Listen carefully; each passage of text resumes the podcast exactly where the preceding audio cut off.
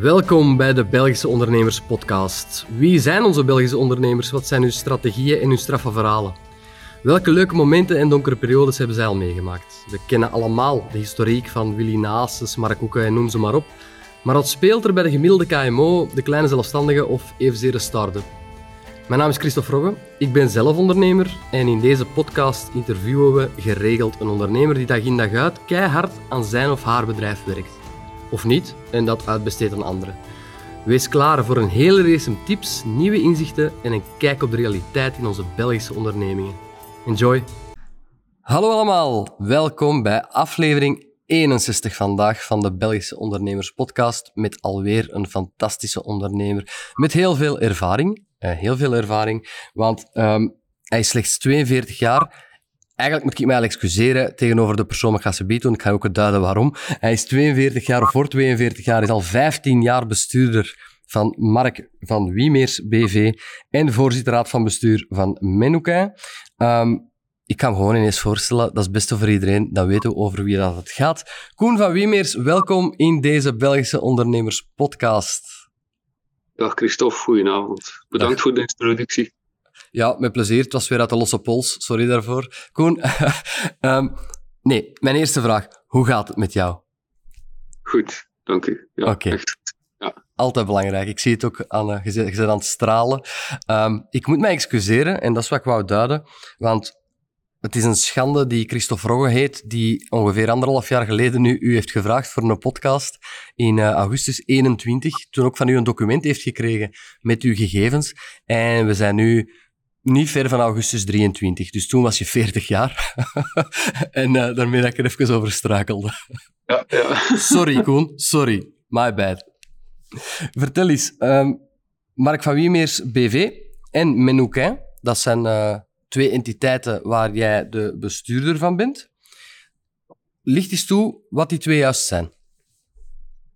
Uh, Mark van Wiemeers BV is uh, genoemd naar mijn vader. Want, uh, we hebben een familiebedrijf.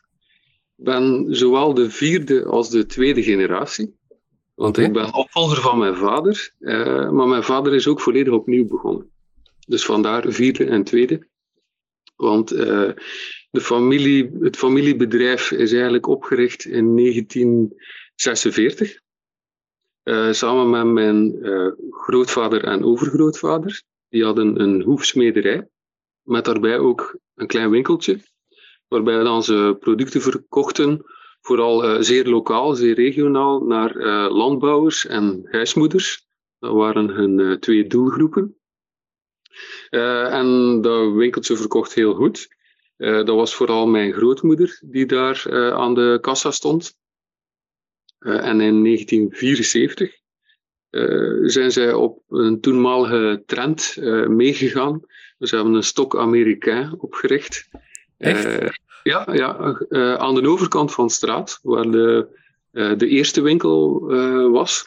Okay. En dus de... ook de smederij. Oké, okay. voor de jeugd die luistert, een stok Amerikaan is geen broodje preparé. Dat, nee, nee, nee. voor de duidelijkheid. nee, nee. Een Amerikaanse stok, hè, dus vooral uh, bevestigingsmateriaal, machines, uh, maar ook huishoudproducten, zo'n beetje van alles en nog wat. Uh, de, doe het zelf van, van 50 jaar geleden. en de zaken gingen goed. Ondertussen kwamen mijn tante en mijn onkel ook in de zaak, samen met hun partners. En mijn vader is de jongste van drie, dus die is er dan als laatste bijgekomen. dus um, een x aantal jaar later, in 1990, uh, was ook die locatie te klein geworden. Dus we kwamen van het kleine winkeltje dan naar Stok Amerikaan. Dan 16 jaar later, opnieuw te klein, is de Stok van Wiemeers NV opgericht. 200 meter verder, in dezelfde straat nog steeds. Een winkel van 2500 vierkante meter groot, dus dat was toen al uh, vrij stevig. Um, maar zoals in veel uh, families, verschil in visie, um, uh, andere ideeën. En het, dan is er een split gekomen. Uh, mijn vader is er aan uitgetrokken. En is eigenlijk volledig opnieuw begonnen in de oude winkel. waar de stok Amerikaan was. Dat gebouw is blijven bestaan. Oké. En is er eigenlijk een volledige strip gedaan van het gebouw, volledige remodeling. En is er ook een opsplitsing geweest in assortiment en doelgroep. Dus we kwamen van een stok Amerikaan, die dan een stok van Wiemers is geworden, ja. waar we zowel de particulier als uh, de zelfstandige uh, beleverden.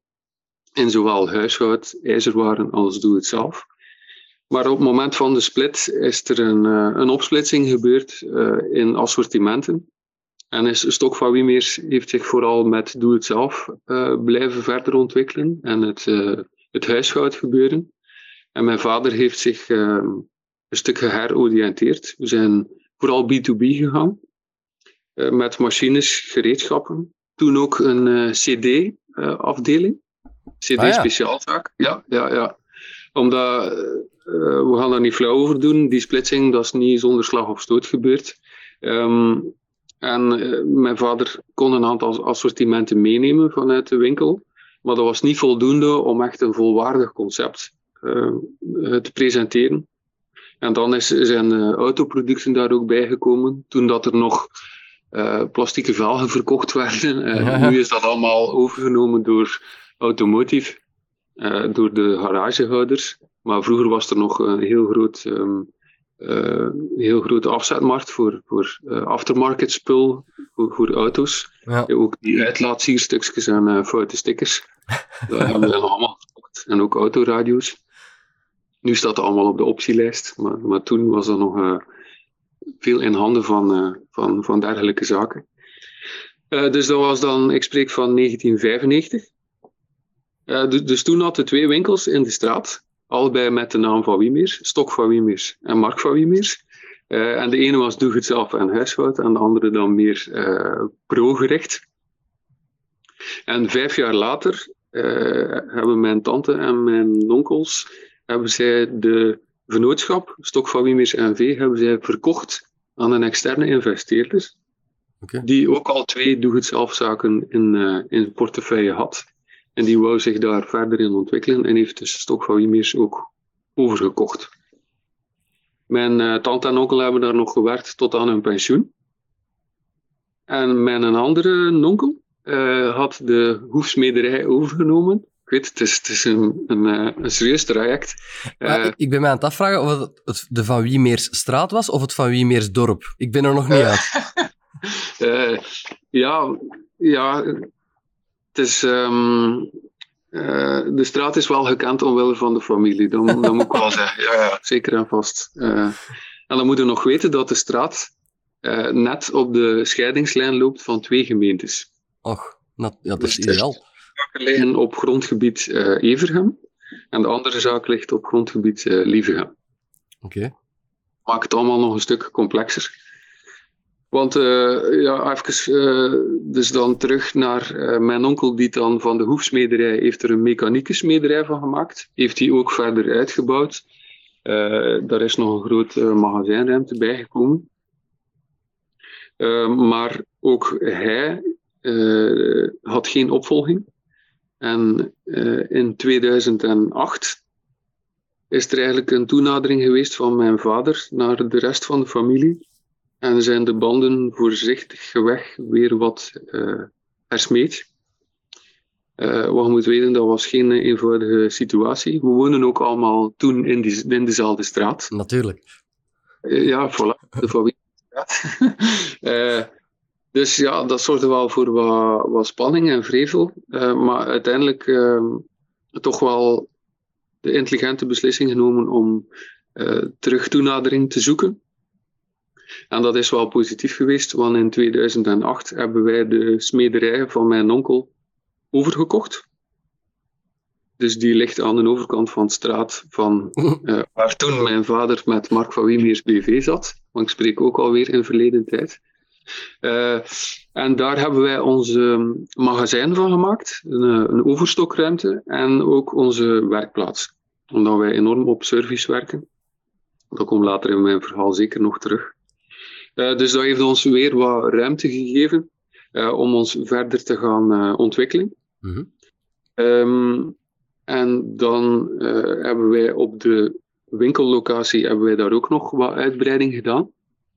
Nog een administratief, administratieve ruimte bijgebouwd. Maar nog steeds blijven groeien. En dan in 2001, hier even terug in de tijd, zijn wij toegetreden tot de groepering Menuka. Mhm. want dat is dan het tweede deel in, in het verhaal. En Menuka is eigenlijk een coöperatie. Um, en daar zijn meer dan 100 winkels bij aangesloten. En wat is een coöperatie? Uh, dat klinkt misschien als een vrij oud businessmodel, want dat bestaat al zeer lang. Um, maar dat zijn eigenlijk allemaal zelfstandige ondernemers, die allemaal één of meerdere winkelpunten hebben. En die zelfstandig blijven opereren, maar die zich wel uh, verbinden met elkaar om uh, samen onderhandelingen te doen op niveau van aankopen. Maar er zijn ook uh, marketinginitiatieven die uh, gecentraliseerd zijn. We hebben ook een centrale voorraad. Um, we hebben ook een aantal eigen merken, waaronder Ironside, die hier naast mij staat te pronken. dat is een van onze belangrijkste um, troeven. En een eigen merk, dat is bijvoorbeeld zoals dan de Colruyt uh, Boni heeft en, uh, en de Leijzen in 365. En de Food is dat zeer gekend. En bij ons in uh, ijzerwaren is dat dan Ironside. Um, dus dat is in het kort uitgelegd wat dat Minuka juist inhoudt. Want Minuka zit in Nijvel. Dus in het Franstalig gedeelte. En vandaar dat ook de, de naam afkomstig is. Maar Minoka is eigenlijk een samenvoegsel. Staat voor menage, outillage en quincaillerie. Dus uh, huishoud, uh, machines en, uh, en ijzerwaren. en in 2012 is ook Stok van Wimeers NV deel geworden, of lid geworden van, van die aankoopgroepering, van de coöperatie. En in 2014 waren wij opnieuw op zoek naar uitbreiding, een andere locatie, waar dan we op dat moment zaten. Dus mijn vader is opnieuw gestart met uh, drie medewerkers. Ondertussen waren we al met 20 plus. Uh, de winkel zat tot de nok vol. Noem het uh, sardientjes in een blik. wij, wij, konden geen kant niet meer uit. Wij, wij, waren ook omringd door allemaal buren. Dus we hadden ook geen mogelijkheid meer tot, tot fysieke expansie. Dus we hebben op zoek gedaan naar een andere locatie. We hebben letterlijk twintig verschillende locaties onder de loep genomen, maar het was te klein, uh, geen goede ligging, het mocht niet, commercieel geen goede ligging of te ver uit de regio, waardoor dan we te veel opnieuw zouden moeten beginnen. Maar dankzij de coöperatie zijn we eigenlijk in contact gekomen met de vorige eigenaar van Stok van NV, want dat was dus geen deel meer van, van de familie. En om een lang verhaal kort te maken, hebben wij eigenlijk de vennootschap teruggekocht. Die mijn vader in de tijd samen met zijn broer en zus uh, opgericht heeft. Maar dat was ook een heel apart verhaal. In die zin, we waren op zoek naar een andere locatie. Maar in plaats van, van een gebouw uit de grond te stampen of, of over te nemen, hebben we eigenlijk een acquisitie gedaan en hebben we de vennootschap overgenomen.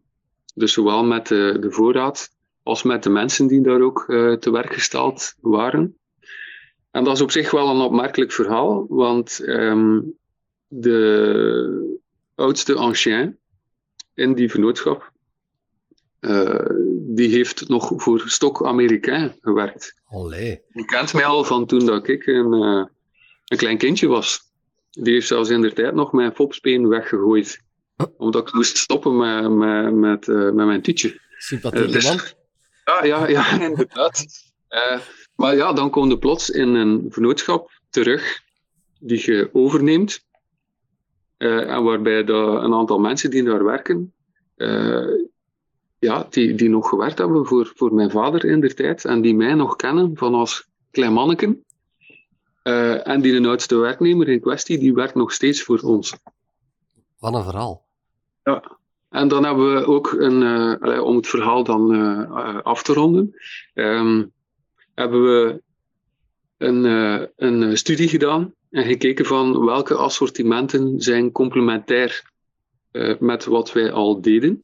Mm Ik had gezegd, wij zijn vooral pro-georiënteerd. dus de winkel was vrij uitgebreid. Maar we moeten weten dat de motor zat vooral bij ons in de straat, in alle bescheidenheid. Maar wij deden ongeveer 70% van de omzet die in, het straat, in de straat zat. En 30% zat in de andere winkel. Maar daar was de infrastructuur wel veel interessanter, omdat het uh, pand groter is, uh, de, het uh, bedrijfsoppervlak met de parking enzovoort en het buitenterrein erbij is ook een stuk groter. Dus daar zit het grootste potentieel. En dan hebben we een opsplitsing gedaan. We hebben gezegd van oké, de, de winkel Mark van Wiemers BV, wat Stok Amerikaan ooit was, daar willen we onze serviceafdeling van maken. Dus daar is onze werkplaats in terechtgekomen. Maar wij doen uh, meer dan 7000 herstellingen per jaar. We hebben ongeveer, niet in FTE's, maar wel in hoofden, toch een uh, tiental mensen die daar actief zijn. Uh, omdat we heel veel herstellingen doen. we doen vooral die machines en gereedschappen, daarvan zijn we gekend. Dus we willen ook die service daarop kunnen leveren. Dus die hebben we dan ondergebracht in het, in het kleine gebouw. En de, het grote gebouw, daar hebben we dan de winkelruimte van gemaakt. En sinds uh, vorig jaar, want dat is dan wel leuk, doordat er een beetje tijd tussen zit met ons eerste contact, is ondertussen uh, uitbreiding van uh, um, de grote winkel, is de winkel nog verder uitgebreid. We hebben nog 1200 vierkante meter bedrijfsoppervlak daarbij gebouwd, maar ook nog een mezzanine erin. En ons objectief was om de serviceafdeling ook mee te integreren in de winkel uh, onder de noemer alles onder één dak voor het gemak. Een one-stop shop, zeg maar. Zodanig dat de twee afdelingen geïntegreerd werden met elkaar, waardoor het zowel uh, organisatorisch als ook naar uh, onze customer experience toch naar een hoger niveau hebben gebracht. Dus nu zijn we 2023, is alles één geheel geworden. Zitten we op één locatie. en is de andere uh, is het andere pand is ondertussen verhuurd. Daar zit nu een dansschool en een drukkerij, een offsetdrukkerij. en nu zitten we met het hele team ja, op één locatie. En ook daar zijn we nu nog de laatste, zijn we aan het fine-tunen, want magazijnruimte wordt nog verder op punt gezet. Ook die serviceafdeling. We zijn nu nog net bezig met een nieuwe poort te plaatsen en automatische schuifdeuren. Dus het is nog steeds ongoing. We blijven niet stilzitten. Um, ja, zodanig dat we klaar zijn voor, voor de toekomst. Wauw. Dat, wauw. Dat is... Oh, de korte versie. De ja. Korte. ja, dat is inderdaad, je vertelt over jaren, dat is precies een script van een film. Van een goede film op VRT op vrijdagavond. Ja, je kunt het zo niet verzinnen. Maar uh, ja, want, want een van mijn doelstellingen is wel om dit jaar het, uh, het bedrijfsverhaal ja, meer uit te dragen en ook ja, er een brochure rond te maken en, en daarmee te integreren in, in de winkelbeleving. Ja, oké. Okay. Veel um, mensen kennen ons ook van, van heel vroeger. Ja. Dat, dat is ook, ja, wij, wij zitten zeer landelijk, moet je weten. We zitten echt bijna in the middle of nowhere. Um, waardoor dan we ook zeer sterk lokaal verankerd zijn. Uh, en, en dat we in, in de regio wel, wel heel gekend zijn. Maar er zijn weinig mensen die, die de echte historie van begin tot einde kennen. Ja. Ik ging net vragen, is dat vooral lokaal en in de regio, of is Van Wiemeers over heel Vlaanderen gekend? Nee, nee, nee. We zijn vooral gekend in uh, Meetjesland, uh -huh. uh, de kanaalzone. Eh, omdat ons grootste werkgebied is. Ehm, wij zitten, eh, om het op de kaart te plaatsen, eh, tussen Eeklo, Gent en Zaalzaten. Ja. In de driehoek van Expressweg, Expressweg Antwerpen-Knokken. Ja. N9, dat is de oude baan Gent-Eeklo-Brugge. En de R4, de ring rond Gent. Oké. Okay. Daarin zijn we heel actief. B2B ja. gaan we wel een stuk verder. We hebben een aantal grote klanten zitten. Onder andere regio Lokeren, uh, Groot Gent uh, en uh, richting Eeklo.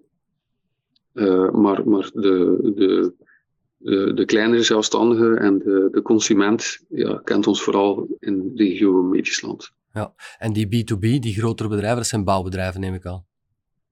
Uh, dat is onze grootste, ja, ja, onze grootste doelgroep. Ja, ook een stukje industrie, maar vooral uh, bouw en uh, tuin, outdoor in, in, in de ruimste zin van het woord. Ja. Hoeveel procent van uw omzet vertegenwoordigt B2B? Bij benadering. Is dat een groot gedeelte van, uw, van uw... 75 procent. Wow, oké. Okay. Ja. Dus daar zit je heel actief op in? Ja, we hebben ook vertegenwoordigers op de baan. Dus ook wij zijn bezig met omnichannel. Dus we ja. hebben onze winkelverkoop, dat is de grootste motor. Daarnaast ook onze vertegenwoordigers, maar die werken meestal, of onze klanten zijn meestal hybride klanten. Wat bedoel ik daarmee? Uh, dus zij worden bezorgd door onze vertegenwoordigers. Om een, een, bepaalde permanentie te onderhouden en onze vast aanspreekpunt hebben, een vertrouwenspersoon. Maar daarnaast ook komen diezelfde klanten veelal ook nog naar de winkel. Oké, top. En trachten wij hen ook te activeren op onze webshop. Ook nog? Ja. ja. ja. Uh, maar daarin zijn we niet best in klas, moet ik eerlijk toegeven. Het is iets dat nog in volle ontwikkeling is. Um, maar het is vooral een service die we willen bieden naar onze klanten toe. Uh, zodanig dan zij hun eigen login hebben, dan ze hun eigen prijzen zien, dan ze kunnen zien wat dan de openstaande orders zijn. Uh, dan ze facturen kunnen raadplegen, uh, bepaalde historieken enzovoort. Ja, ja, ja. oké. Dat je dan nog een punt moet stellen, dat is meestal een heel huzarenstukje om dat in orde te krijgen. Wel, we hebben ongeveer 70.000 SKU's. en om die allemaal online te krijgen, we hebben ja, een driehonderdtal actieve leveranciers in dan spreek ik puur over onze verkoop. Uh, niet, niet de autogarage waar we gaan voor onderhoud. Ik bedoel puur uh, qua uh, verkoopsproduct. Dus dat op zich is al gigantisch werk om te onderhouden. Waanzin. ja, zeker nu ook met de vele prijswijzigingen. Ja, ja. Ja, dat, daar, daar ligt de, de druk hoog. Hoeveel mensen heb je nu voor jou of, of bij jou werken? Uh, in hoofden zijn er dat uh, ja, bijna 50. Oké, okay. ja. En jouw... Een dertigtal FTE's. Sorry? Maar we hebben een 38-tal FTE's. Ja. Maar we hebben heel veel verschillende vormen van samenwerking. Fulltime, parttime, um, flexie, interim, zelfstandig. Ja, heel veel, heel veel verschillende vormen. Ja. En jouw taak is het managen van de dagdagelijkse leiding eigenlijk? Klopt, ja. Hoe ziet uw dag er zo uit dan? Um, ik heb uh, op het moment dat ik uh, de dagelijkse leiding van mijn vader heb uh, overgenomen. Mijn vader is ondertussen op pensioen en mijn, mijn moeder ook. Zij zijn wel nog actief. Ja? Hoe kan het ook anders? in een familiebedrijf. en dat, dat waardeer ik eerlijk echt heel hard. Okay. Maar zij, zij, gaan, zij zijn minder bezig met de dagelijkse leiding. Um, uh, maar dan heb ik wel ervoor gekozen, omdat mijn vader heeft nogal een grote superman gehalte. Die, die kan, trekt graag heel veel dingen naar zich toe. Hij is, is super actief. heeft heel veel energie, zeer dynamisch. Maar ik had wel zoiets van, ja, als wij nog verder willen groeien, en dat moet op een duurzame manier kunnen gebeuren en onderbouwd. Dan moeten we toch wel kijken om uh, een team uh, uit te bouwen. Ik heb het geluk dat mijn, uh, mijn vrouw ook deel uitmaakt van dat team. Zij is verantwoordelijk voor financieel en operationeel. Okay. Dus hebben we ook nog Cindy, zij is verantwoordelijk voor logistiek en service. Dimitri voor marketing en verkoop. En dan uh, Melissa voor eh, HR. Zodanig dat dat toch beter onderbouwd is. Dat is nog een verhaal van, van, van leren en vallen en opstaan, sowieso. maar, maar het zijn wel heel veel verschillende. Het, het is heel divers waar dan ja. we mee. We hebben mensen in de verkoop. Ik sprak van de winkel, maar ook dan op de baan. Het webshop gebeuren, onderhoud van onze database de eh, boekhouding, mensen die in de serviceafdeling staan, eh, de logistieke medewerkers. We, we leveren ook zelf uit. Um, ja, het is, het is heel divers. Uh, maar als ik kijk naar mijn, mijn dagtaak, is toch zoveel mogelijk contact onderhouden met mijn, met mijn team. wij doen heel frequent check-in. om, om zo veel mogelijk vinger aan de pols te houden. En zij dan check-in met hun medewerkers. Uh, en ik probeer zoveel mogelijk ook dagelijks op de werkvloer toch uh, mijn ronde te doen. Om te zien wat dat er leeft. Um, en dat is zeer uitdagend. Dat kan ik me voorstellen, ja. ja. Daarnaast ook natuurlijk nog als voorzitter van de raad van bestuur van Menoke. En wat houdt dat juist in? Moet je dan constant onderhandelen voor heel de groep? Of hoe zie ik dat? Want ik moet zeggen, um, ik zag hier inderdaad staan, hè, um, voorzitter raad van bestuur, Menouke. En dan staat er aantal filialen, een honderdtwintigtal. nu, eh, je hebt dat toegelicht, wat dat is, die coöperatieve, maar als er zo staat, Menouke, aantal filialen, een honderdtwintigtal, dan wil ik letterlijk van mijn stoel. Dat is wel wat, om contacten met te onderhouden en om te managen. Klopt, ja. En ik moet ook eerlijk zijn, ik... Uh ken niet iedereen bij naam en toenaam. Uh, en dat is een werkpunt, sowieso. Want ik wil wel zoveel mogelijk uh, contact hebben met iedereen. Uh, maar het is een heel grote poelen. Ja. We organiseren wel veel om dat communitygevoel hoog te houden. maar als voorzitter zijn een beetje ja, goede huisvader. Of tenminste, dat is toch de bedoeling. um, maar daarin, ik ben niet operationeel uh, betrokken. In die zin, we hebben een, eh, een, um, een directie die de, de dagelijkse werking voor hun rekening neemt. Dus we hebben een CEO, een CFO, maar ook een IT-verantwoordelijke commercieel directeur enzovoort. In die coöperatieve? Ja, dus daar hebben we ook een 49 FTE's. Damn. Um, en die, die entiteit zit dus in Nijvel. Um, en daar hou ik vooral heel veel contact met de CEO. Trouwens vanavond nog uh, aan de lijn. Uh, om uh, heel kort af te stemmen van wat dan de dagelijkse bekommernissen zijn. Maar de, het doel eigenlijk van het bestuur, en dus ook van de voorzitter, is om de strategie uit te tekenen, samen met de directie. en om die, die te bewaken dat die wel degelijk goed in uitvoering gebracht wordt. Te kijken naar de cijfers zien of dat, uh, ja, of dat alles financieel correct verloopt. Uh, kijken naar de stok, naar de commerciële inspanningen. Um, uh, ja, of dat alle betalingen op correcte manier verlopen. nu bijvoorbeeld zijn we bezig met een studie rond ons ERP-systeem. Okay. Dus daarin proberen we ook zo nauw mogelijk betrokken te zijn om te zien van ja, welk systeem moeten we kiezen. Um, ja, ook zeer uitdagend. We gaan ook uh, soms uh, naar, naar het buitenland, naar beurzen, om te kijken wat dat er ja, internationaal zich ontwikkelt. Waar we hebben ook buitenlandse contacten. Wij zijn ook aangesloten met onze coöperatie bij een buitenlandse coöperatie, waar dan wij zelf ook vernoot van zijn. Ah ja. Dus dus uh, vertegenwoordigt aan inkoopzijde uh, ongeveer 150 miljoen euro. Dus dan wij gezamenlijk inkopen. Uh. Maar met onze groepering zijn wij verbonden aan uh, Hagebouw in Duitsland. Dus de Handelsgesellschaft voor Bouwstoffen. Maar zij doen ongeveer 8 miljard. Dus in, in, in, in de big picture zijn wij echt een, een kleine harnaal.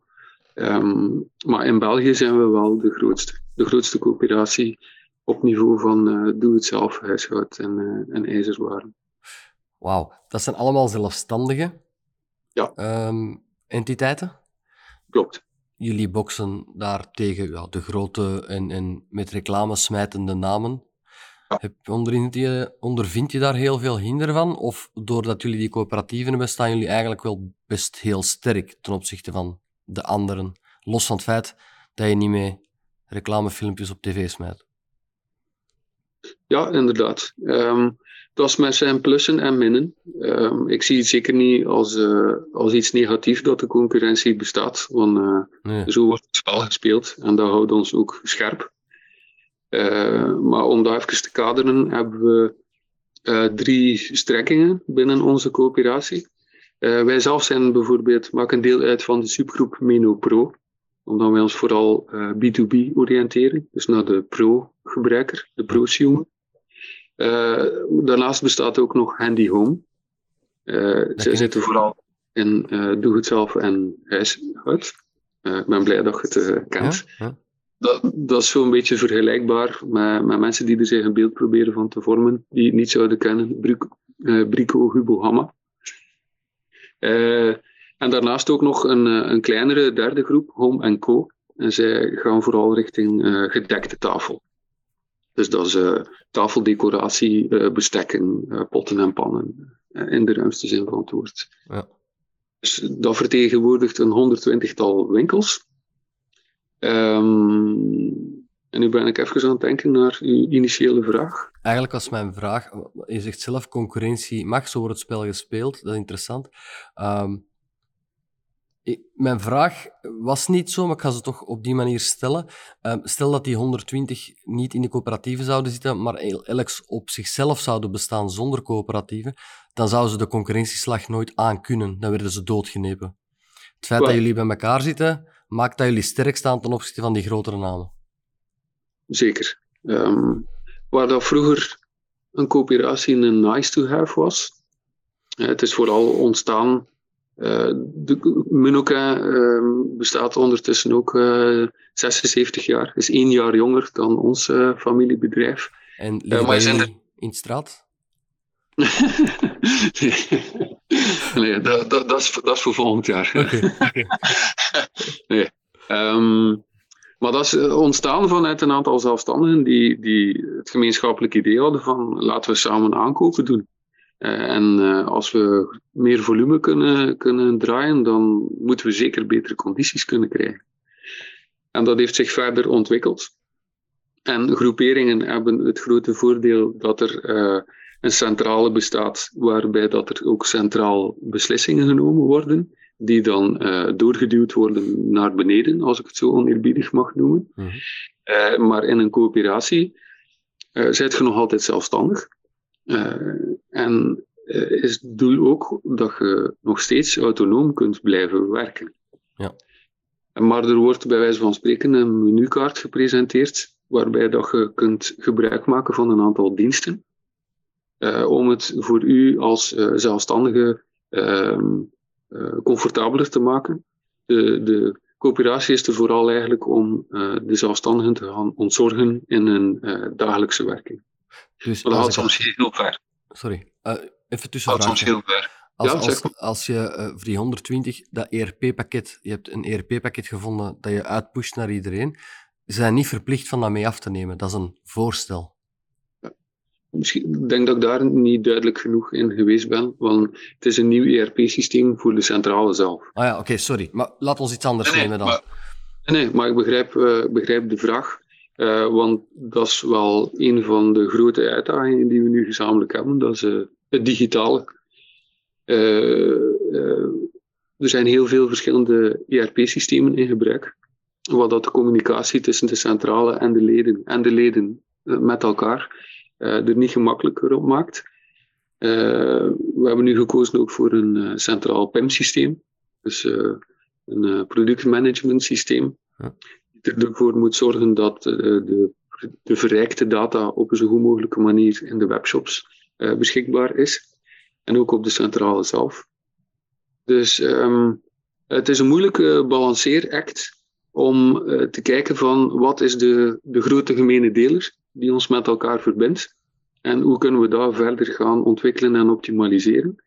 En welke zaken um, kunt je aanbieden, maar geeft je wel de vrijheid om uh, uh, iedereen de keus te laten van wat, wat hij er wel of niet mee wil doen. Dat kan. Kan, ja. Dus nu worden een aantal commerciële voorstellen ook uh, gedaan naar, naar alle leden toe. Uh, maar uh, tot op heden zijn er weinig tot geen verplichtingen om een uh, bepaalde afname te doen. Oké. Wat natuurlijk in het model van de, van de, de franchise-nemers en de grote ketens wel het geval is. Ja, klopt. Dus veel, veel meer vrijheid in een coöperatie. Anderzijds is er wel, er zijn heel veel rechten, maar er zijn ook plichten. Ik noem het een beetje het van, voor en door verhaal. Mhm. Ehm, een coöperatie is van de vernoten, want iedereen is ook aandeelhouder eh, binnen die coöperatie. Eh, ze is er voor eh, de vernoten, want de centrale die er bestaat, werkt voor de vernoten. Ja. Dus die, die, die aankoopcondities die onderhandeld worden, die marketingvoorstellen die uitgewerkt worden, die centrale facturatie, dat zijn allemaal diensten waarvan dat je gebruik kunt maken eh, als lid. Maar wat ons onderscheidt met eh, ketens, dat is het, eh, het doorverhaal. En dat is dat de vernoten er ook zijn voor de centrale, voor de coöperatie en voor elkaar. En dat er bijvoorbeeld, momenteel zijn een aantal werkgroepen. Wij werken bijvoorbeeld aan het digitale, zoals dat ik daarnet het, het voorbeeld gaf.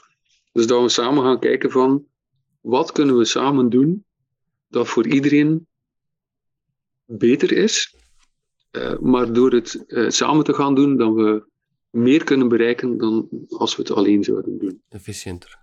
Vandaar ook dat eh, de eigen merken er zijn. Ik nam het voorbeeld van Ironside. Er zijn er nog een aantal, bijvoorbeeld Masterton in bevestigingsmateriaal, of Ormes in, in waterkranen. Die merken zijn er gekomen eh, om ons eh, te kunnen positioneren ten opzichte van de ketens en eh, de, ehm, de algemeen gekende merken. Ja. Om een sterk alternatief te kunnen aanbieden die op niveau is van, van de gekende merken, A-kwaliteit, maar dan wel aan een sterk gereduceerde prijs. Maar die merken zijn exclusief voor de vernoten van de coöperatie. Tuurlijk. Eh, dus dat, is een van de grote voordelen. Het is, het is een heel apart businessmodel, Eh, maar het is, het is geven en nemen. Sowieso. Bijvoorbeeld mijn, mijn, mijn eh, eh, rol als bestuurder is, is onbezoldigd. Dat is een, een keuze ook die we ge- gemaakt hebben vanuit de coöperatie. Van, het is een, een, een ja, je stelt u ten dienste van de coöperatie. Je zit ook mee aan het stuur. Ehm, er komt heel veel informatie op u af. Dus dat, ehm, eh, we, we gaan ook geregeld naar, naar het buitenland. We gaan naar beurzen gaan kijken. Dus dat is voor mij dan wel een persoonlijke meerwaarde. Huh? Eh, ik vind het ook, ook eh, zeer uitdagend. Dus vandaar dat ik het ook plezant vind om te doen. Geeft ook een meerwaarde naar onze lokaal verkopen toe. Ehm, maar het is een bewuste keuze opnieuw om dat het onbezoldigd is. Hoeveel procent van uw tijd kruipt daarin? Ehm, ik denk ehm, gemiddeld twee, drie dagen per maand. Oké, oké. Ik, ik zag het in mijn hoofd al twee weken per maand zijn. Ja, allee, misschien romantiseer ik het een beetje, maar eh, allee, het zit wel dagelijks in mijn hoofd. Maar als ik moet zeggen van eh, de tijd dat ik daar ben, of dat ik meega naar beurzen, of ja, het zal misschien iets meer zijn. Eh, misschien vier dagen in de maand, ja. Oké, ja. Maar er zijn heel veel korte contactmomenten, heel veel mailverkeer. Eh, we hebben een online eh, portaal waarbij dan we heel veel informatie beschikbaar krijgen. Ja. Dus, dus dat monitorden. Maar sowieso ja, loopt dat altijd wel een stuk door elkaar, omdat eh, de beslissingen die genomen worden op centraal niveau hebben ook een impact op wat dan weer lokaal aan het doen zijn. Sowieso. Vandaar, ja, die vier dagen is dan puur voor de centrale, maar ook daar ja, pluk ik de vruchten van om, om het hier lokaal eh, er gebruik van te maken. Ja, je geniet er net zoals alle anderen ook mee van, natuurlijk. Dat spreekt voor zich. Ja, ja. En hoe beter jij het doet met de coöperatieven, hoe beter voor iedereen, maar ook voor jouw bedrijf. Klopt. Oké, dat is een... een ik, ik, echt waar, ik ben onder de indruk, Koen, alleen al van het organigram dat je het laatste half uur hebt uitgelegd. van de manier waarop dat alles in elkaar zit. Eh, hoeveel Ja, mails... soms kom ik mijzelf wel een keer tegen hoor. Dat, zal wel. Dat zal wel. Hoeveel uren doe je zo per dag? Oh, uren per dag. Ehm, Allee, zo gemiddeld. ben hè? geen ochtendmens. Ehm, want ik heb ook nog eh, twee eh, zonen van vijf en acht. Ah. Dus die zijn nog jong, die vragen wel wat, wat aandacht. Ja. Ehm, ik probeer daar ook wel mee, mee bezig te zijn. Ehm, maar ik, ik ben geen ochtendmens. Eh, ik begin rond half negen, negen uur. Oh, ça va. Ik Dan had s'avonds- 11 uur verwacht. ja, nee, 11 uur s'avonds dan. Ja, ja 10, 11 uur s'avonds. Ja. Half negen, tien, elf uur. Ja, ja, zoiets. Dat is mooi, hè? Dat zijn toch redelijk wat uurtjes in een week. Ja, ja, voilà. Voilà, inderdaad. Um, en in het weekend? Ja, we zijn op zaterdag ook open. Dat dacht ik. Dat dag, ja. Vroeger zelfs op uh, zondag voormiddag. Uh, maar dat hebben we veranderd sinds uh, corona. Omdat we toen met de lockdown zaten. En toen mochten we alleen maar op weekdagen open zijn. En dan hebben we even de balans opgemaakt. En ook eerlijkheidshalve, um, het is echt niet gemakkelijk om nog mensen te vinden die en de technische kennis hebben en gemotiveerd zijn om um, op zondag te komen. Zelfs de zaterdag is al een, een uitdaging. En betaalbaar. Ja, inderdaad. Ja. Maar we hebben wel de oefening gedaan, want bijvoorbeeld onze winkel is maar open vanaf 9 uur. Okay. Al zijn wij B2B georiënteerd. Dat is uh, ongezien in onze sector. zeer laat, maar wij zitten niet langs een drukke steenweg. We zitten ook niet in een KMO-zone. Dus we hebben ook niet zo die ochtendtrafiek. het is vooral daarna dat de klanten beginnen komen. We zijn wel open tot 6 uur s'avonds. Dus uh, veelal wordt er na een werkbezoek, uh, wordt er dan nog uh, tot bij ons gereden. Ja. Maar, maar de zaterdag wordt, wordt er dan wel, wij het meeste aantal bezoekers. ondanks dat we onze grootste omzet B2B is. Ja, en merk je een groot omzetverlies? Waarschijnlijk niet, door zondag niet open te zijn? Of vertaalt dat zich naar ze komen op zaterdag? Um, vroeger was dat onze drukste uh, drie uur van de week. Serieus? Vroeger waren wij open de zondag van 9 tot 12. En dan tijdens de week van uh, eh, 8 tot 18. Um, en de zondag uh, hadden wij op drie uur tijd 300 bezoekers. Oh. En op een weekdag 400. Op 10 uur tijd. Dus, dus in de week sluiten hè? en zondags open doen. Ja, voilà, voilà. en dat werd vooral door uh, zowel de particulier als ook de kleine zelfstandigen enorm gewaardeerd. Omdat veel zelfstandigen uh, ja, tijdens de week druk, druk, druk. Mm. Uh, en dan zijn het die uren die tellen. En zondag heeft dan, men dan meestal iets meer tijd. En dan was de reflex van, ah ja, ik ga nog rap naar van wie meer. dan heb ik mijn materiaal om maandag direct uh, aan mijn taak te kunnen beginnen. Ja. En dat zag ook wel, meestal was men dan al in zondagskledij. Veelal ook met de vrouw en kinderen erbij. Top. Klaar om dan door te rijden om uh, naar de zee of om wat te gaan eten of, of whatever, of een familiebezoek. Uh, dus dat was wel een bepaald risico, maar in onze omzet hebben we dat totaal niet gemerkt. Um, maar we hebben daarin gebruik gemaakt van het momentum van de pandemie. Ja. Omdat we de hele tijd op zondag niet mochten open zijn. Uh, en we hebben dan die studie gedaan van, uh, we hebben een taalsysteem aan onze uh, uitgangspoorten, om te zien hoeveel mensen dat er per uur, per dag en per week daar passeren. En op basis van die intelligence hebben we ervoor gekozen om een uur later open te doen. en tot nu toe heeft dat eigenlijk geen invloed gehad op onze omzet. Want wij waren dan wel op maandag gesloten. Ja, en nu niet meer? Nee, nee, nee.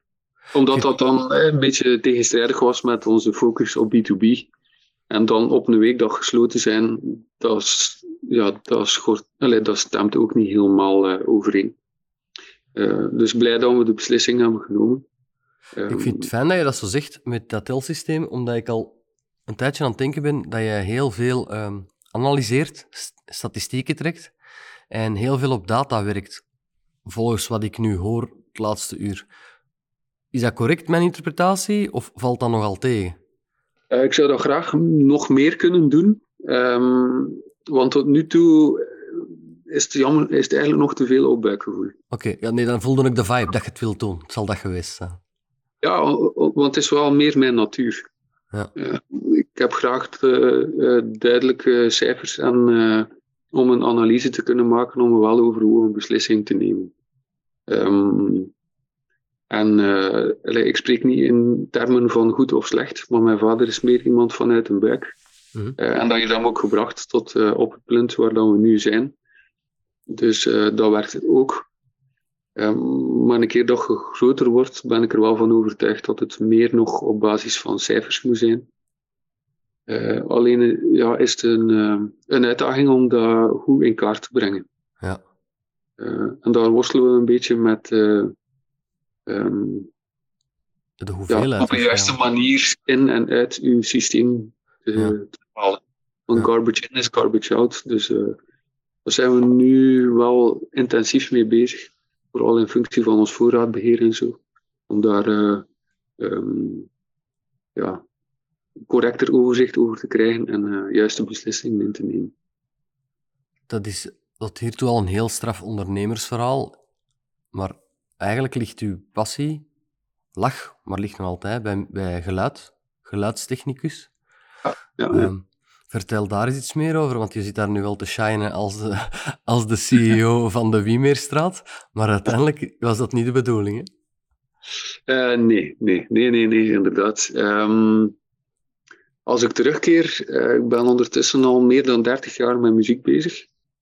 Toen, ik een, jaar of, toen ik een jaar of tien was, ik sprak daarvan uh, die autoproducten in de winkel. Dus we hadden ook zo'n wall of sound staan met allemaal verschillende radio's, autoradio's en luidsprekers met, met knopjes ernaast, dat je kon kiezen van nu wil ik die radio horen en die luidsprekers. Uh, maar de, de presentatiemeubel was uh, end of life. En dat werd niet, uh, dus dat moest niet terug naar de leverancier. En ik vroeg toen aan mijn vader van, ah papa, mag ik die, die kasten hebben? En ja, dat stond toen in de, de garage van mijn ouders. En daar waren we mee beginnen experimenteren. En dan, dan ja, ik ben, ben nogal, uh, allez, ik word nogal geprikkeld door uh, technische dingen. Oké. Okay. Ik, ik, ik, was daarnaar aan het kijken van, ja, hoe komt dat toch dat die een luidspreker anders klinkt dan die? En dan beginnen op, op zoeken en dan een boek gekocht van Electuur in der tijd. Het grote luidsprekerbouwboek. Wauw. Ja, ja, ja. ja, ja. Nou, Niemand anders heeft die gekocht, ik. Nee, nee. Ja, nu googelen we, maar toen was het uh, een boek uh, die gelezen. Ik verstond er bijna niets van, want het was eigenlijk op, uh, bijna op universitair niveau. Ik was toen een jaar of twaalf. maar die blijven lezen en blijven um, openstellen voor, voor, voor, voor nieuwe dingen. daar toch een aantal interessante mensen tegen het lijf gelopen, die mij meegeholpen hebben. En dan uh, op het einde van mijn schoolcarrière mijn droom, passie achterna. En ehm, ben ik gaan werken voor een bedrijf dat klank en licht deed, vooral voor evenementen. Okay. Daarnaast was ik ook DJ in bijberoep. En dan was ik, deed ik vooral privéfeesten. Welke, welke muziek? Oh, jubileum, personeelsfeesten, soupers van verenigingen allerlei. Um, en dat is een beetje op een sisser uh, afgelopen in, in uh, mijn eerste werkervaring. Maar de, de passie is wel gebleven. En na een aantal werkervaringen ben ik dan in de zaak van mijn ouders terechtgekomen.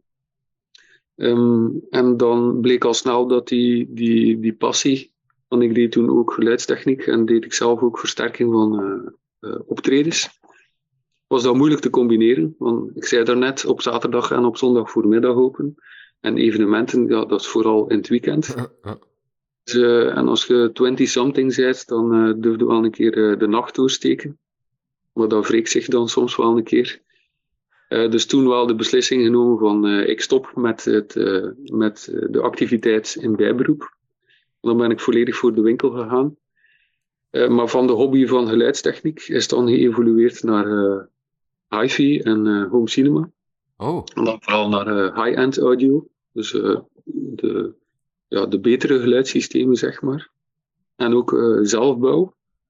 Opnieuw omdat we die techniek die erachter zit, mij zo hard interesseert. en nu thuis heb ik meer dan 50 klankkasten staan. en is bijna elke ruimte bij ons omgetoverd tot een luisterruimte. en buiten de twee klankkasten in onze living is alles, nagenoeg alles zelfbouw.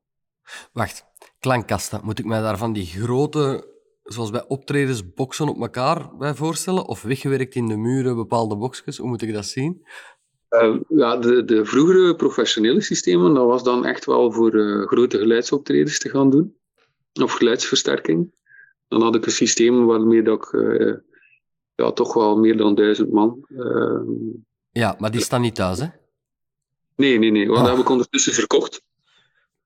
Um, maar de geluidssystemen thuis, ja, dat gaat over kleine boekenplankluidsprekers tot ja, elegante zuilen. Wow. Want thuis heb ik een eigen luisterruimte, uh, die ook uh, fungeert als, uh, als cinemaruimte. en het is vandaar ook dat ik eigenlijk in deze ruimte zit, want ik zit nu op de firma. Uh, heb misschien al gezien voor de kijkers, dus het logo pronkt hier naast mij.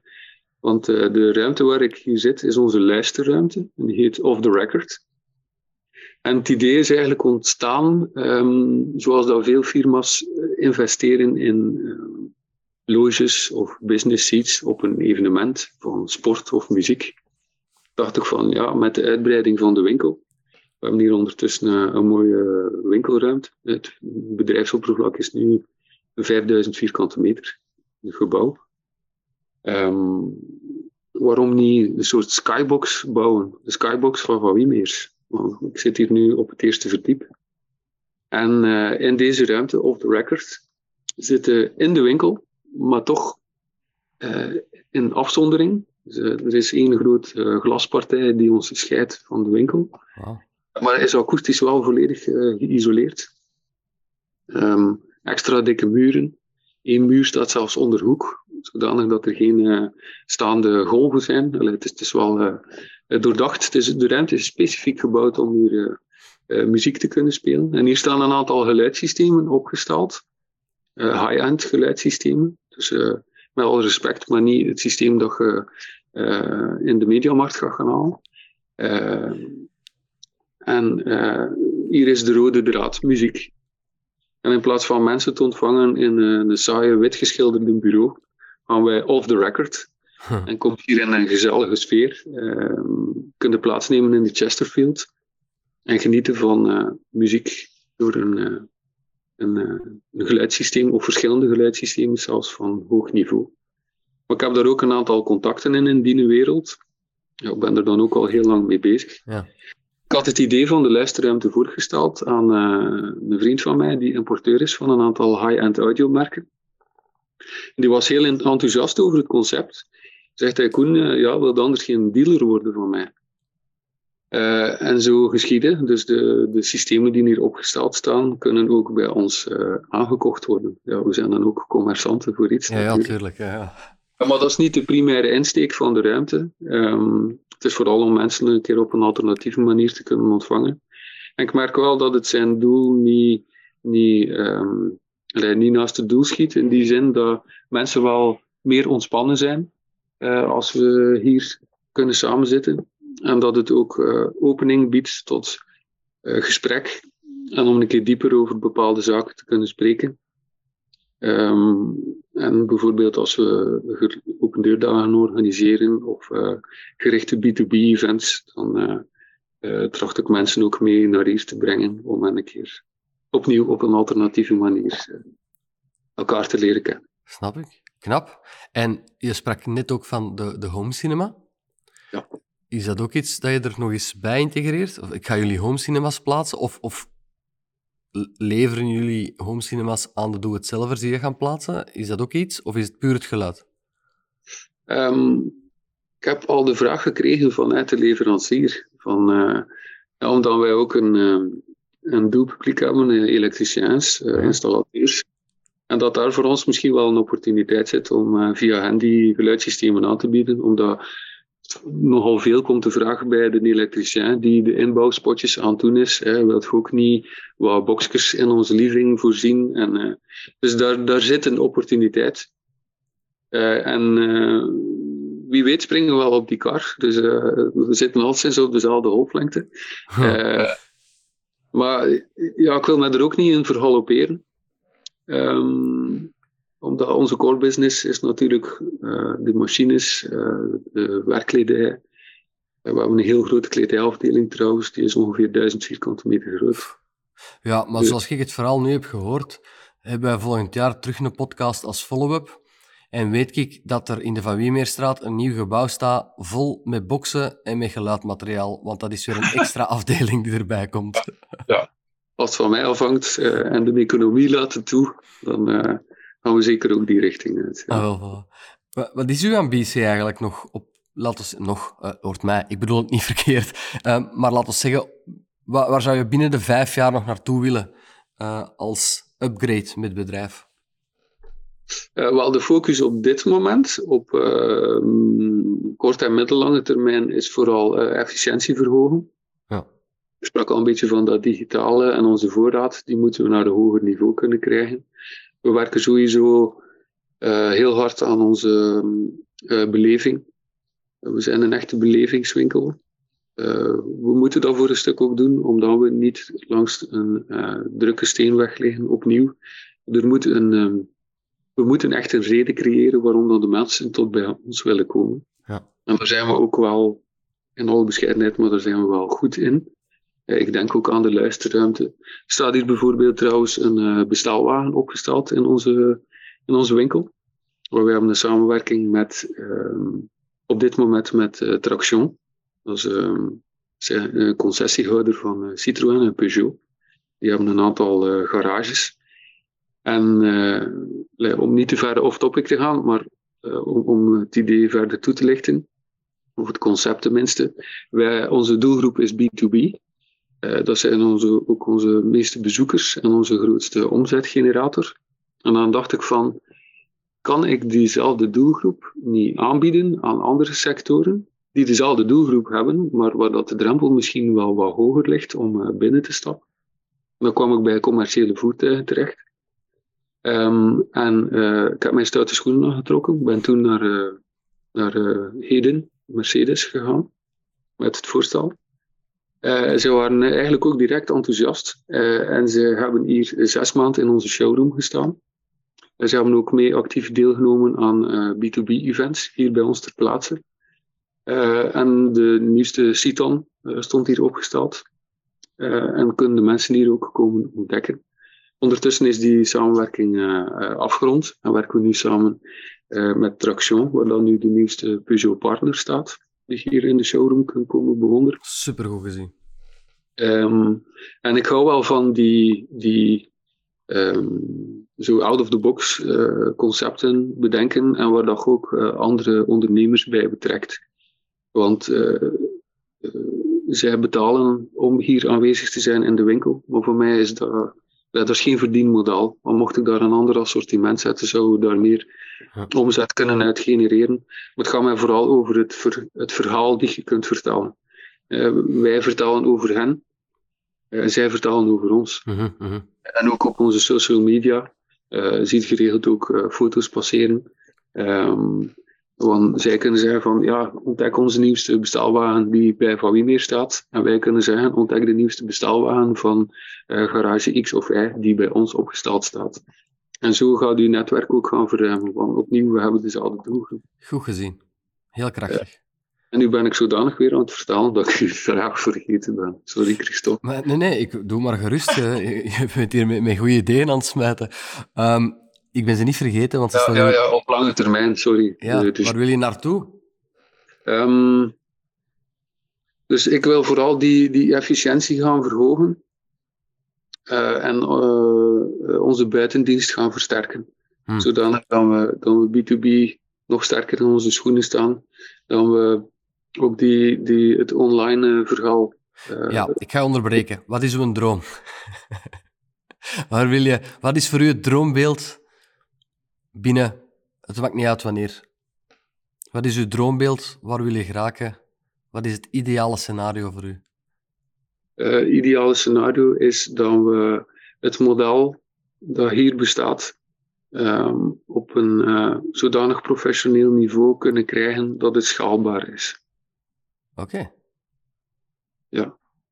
En dat we op die manier ook verder kunnen uitbreiden. Is dat veraf?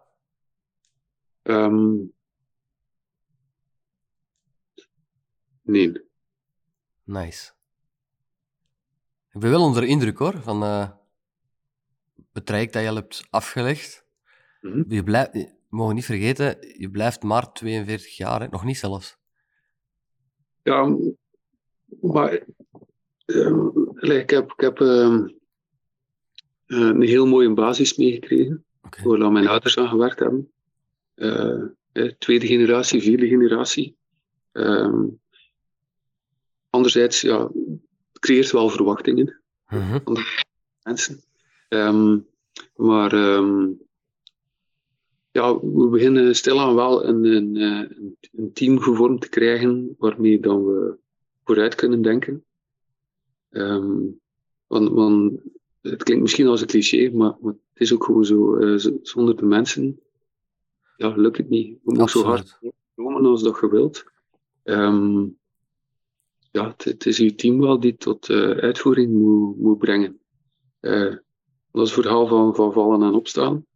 We voelen nu ook enorm druk van eh, geopolitiek, economie, energiekosten, stijgende loonskosten enzovoort. Ja.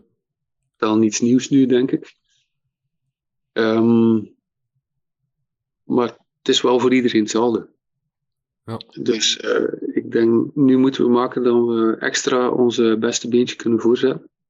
Dat we een eh, heel goede customer experience kunnen uitrollen. En dan kunnen we verder gaan. Top. Koen, ik ga nog een afsluitvraagje stellen. Eh, welke tip geef je aan jezelf als je vandaag terug mee zou stappen? Als je terug zou starten? Ehm, ik ehm, heb een technische opleiding. Ehm, ik heb lang in de serviceafdeling gestaan. En ik heb dat te lang gedaan. Tot over een paar jaar stond ik, stond ik zelf nog eh, machines te herstellen. Het heeft voor een stuk wel onze, onze service naar een bepaald niveau gebracht. Maar anderzijds eh, heb ik te weinig andere facetten van de winkel voldoende gezien. Waardoor dat ik daar wel eh, snelheid heb verloren. Ehm, dus eh, het kan een tip zijn ook naar andere mensen toe. Zeker als je in het scenario zit van mogelijke overname. Van ja, toch zoveel mogelijk alle afdelingen te zien Ja. eh, en te doorlopen. Ehm, en daarin ja, heb ik te lang eh, hetzelfde gedaan. Oké. Ehm, en ja, ik, ik had meer moeten eh, en op de boekhouding zitten en eh, meer in de verkoop. Alhoewel dat ik, ik ben geen verkoper. Allee, ik heb niet geen verkoopsprofiel. Ehm, maar, maar ja, ik had, ik had dat wel meer moeten doen, waardoor dat ik nu wel eh, meer snelheid zou kunnen maken. Daar heb je al over nagedacht. Ja, toch wel. Maar, Ja, niet, niet met spijt of zo. Hè. Ja, ik bedoel, of, of, of met eh, had ik maar. dat Nee, is ik. nee. Nee. Is goed. Ik vind het uh, eigenlijk bijna spijtig dat we moeten afronden. Ik denk dat ik nog meerdere uren met u zou kunnen, of naar u zou kunnen luisteren. Um, ik, ik ga heel even afscheid nemen van kijker en luisteren. Ik kom zo dadelijk nog bij u terug, gewoon een klein uh, momentje. Yes. Voilà. voilà, iedereen. Bedankt om deze aflevering uit te luisteren en of kijken. Um, ik denk dat ik zo binnen een uurtje of drie doorga met Koen en daar is geen uh, audiovervolg van online. Dus uh, sorry daarvoor. Maar um, je kan wel ons uh, volgen op social media, Facebook, Instagram, LinkedIn. Er is een webpagina, een, uh, een website, zoals dat heet. Ik ben even mijn kluts kwijt. Uh, www.belgischekoppeltekenondernemers.be, waar je alle vorige podcasts ook terugvindt. Je vindt daar ook een contactformulier voor als je dingen aan mij wilt vragen of dingen tegen mij wilt vertellen. Vul gerust het formulier in. Ik beloof, ik beantwoord alle mails. Het kan gewoon even duren, uh, wegens de drukte en vier jobs. Maar ik beloof, ik antwoord op elke mail binnen de Kijk, Koen, dat is ook 2021, het is 23, het kan snel gaan. Bedankt voor het luisteren allemaal. En Koen, jij bent uh, ontzettend bedankt om jouw verhaal te brengen. Ik hoop uh, dat je alles waar je op voorhand uh, voor de podcast begon uh, aan dacht hebt kunnen vertellen. Of je ook, het ook leuk vond. Ik hoop dat je het een aangename aflevering voor jezelf ook vond. Eerst en vooral bedankt voor de uitnodiging. ik ben enorm gecharmeerd dat ik bij jou te gast mocht zijn. Alle plezier. en dat de mensen het hebben kunnen verdragen om naar mij te luisteren. Ik denk het wel. Je hebt ook nog een aangename praatstem, dus dat valt nog mee. Dank u wel. Dank u wel. Um, ja, nee, ik vond het heel plezant. Um, ik, ik, hoop dat het uh, een aantal mensen heeft kunnen inspireren. En uh, ja, ook altijd welkom in onze luisterruimte. Leg ik met plezier uh, je favoriete muziek op. Ah. En ja, dan zien we wel wat er van komt. hola, niks te romantisch, hè, Koen? nee, um, als ik in de buurt van Eeklo moet zijn, want dat is nu het, het gegeven dat in mijn hoofd speelt, omdat ik in de baan wil naar knokken, dan wil ik heel graag eens binnenspringen. En uh, dan ga ik je dat op voorhand laten weten dat je er zeker bent. En dan kom ik graag eens tot in de luisterruimte en eens kijken wat die 5000 vierkante meter allemaal vult. En hoe dat we van Wiemeersland verder tot uitbreiding kunnen, kunnen brengen. Ik wil daar gerust mee wat, ideeën over spuien. Maar ik vind het oprecht fantastisch, jouw verhaal. Mensen die er geen inspiratie hebben uitgehaald. Die hebben op zijn minst een fantastisch verhaal gekregen, een familiebedrijf. Meer uitleg over de coöperatieven. Dus geweldig. Ik wil jou heel hard bedanken en uh, iedereen tot een volgende keer.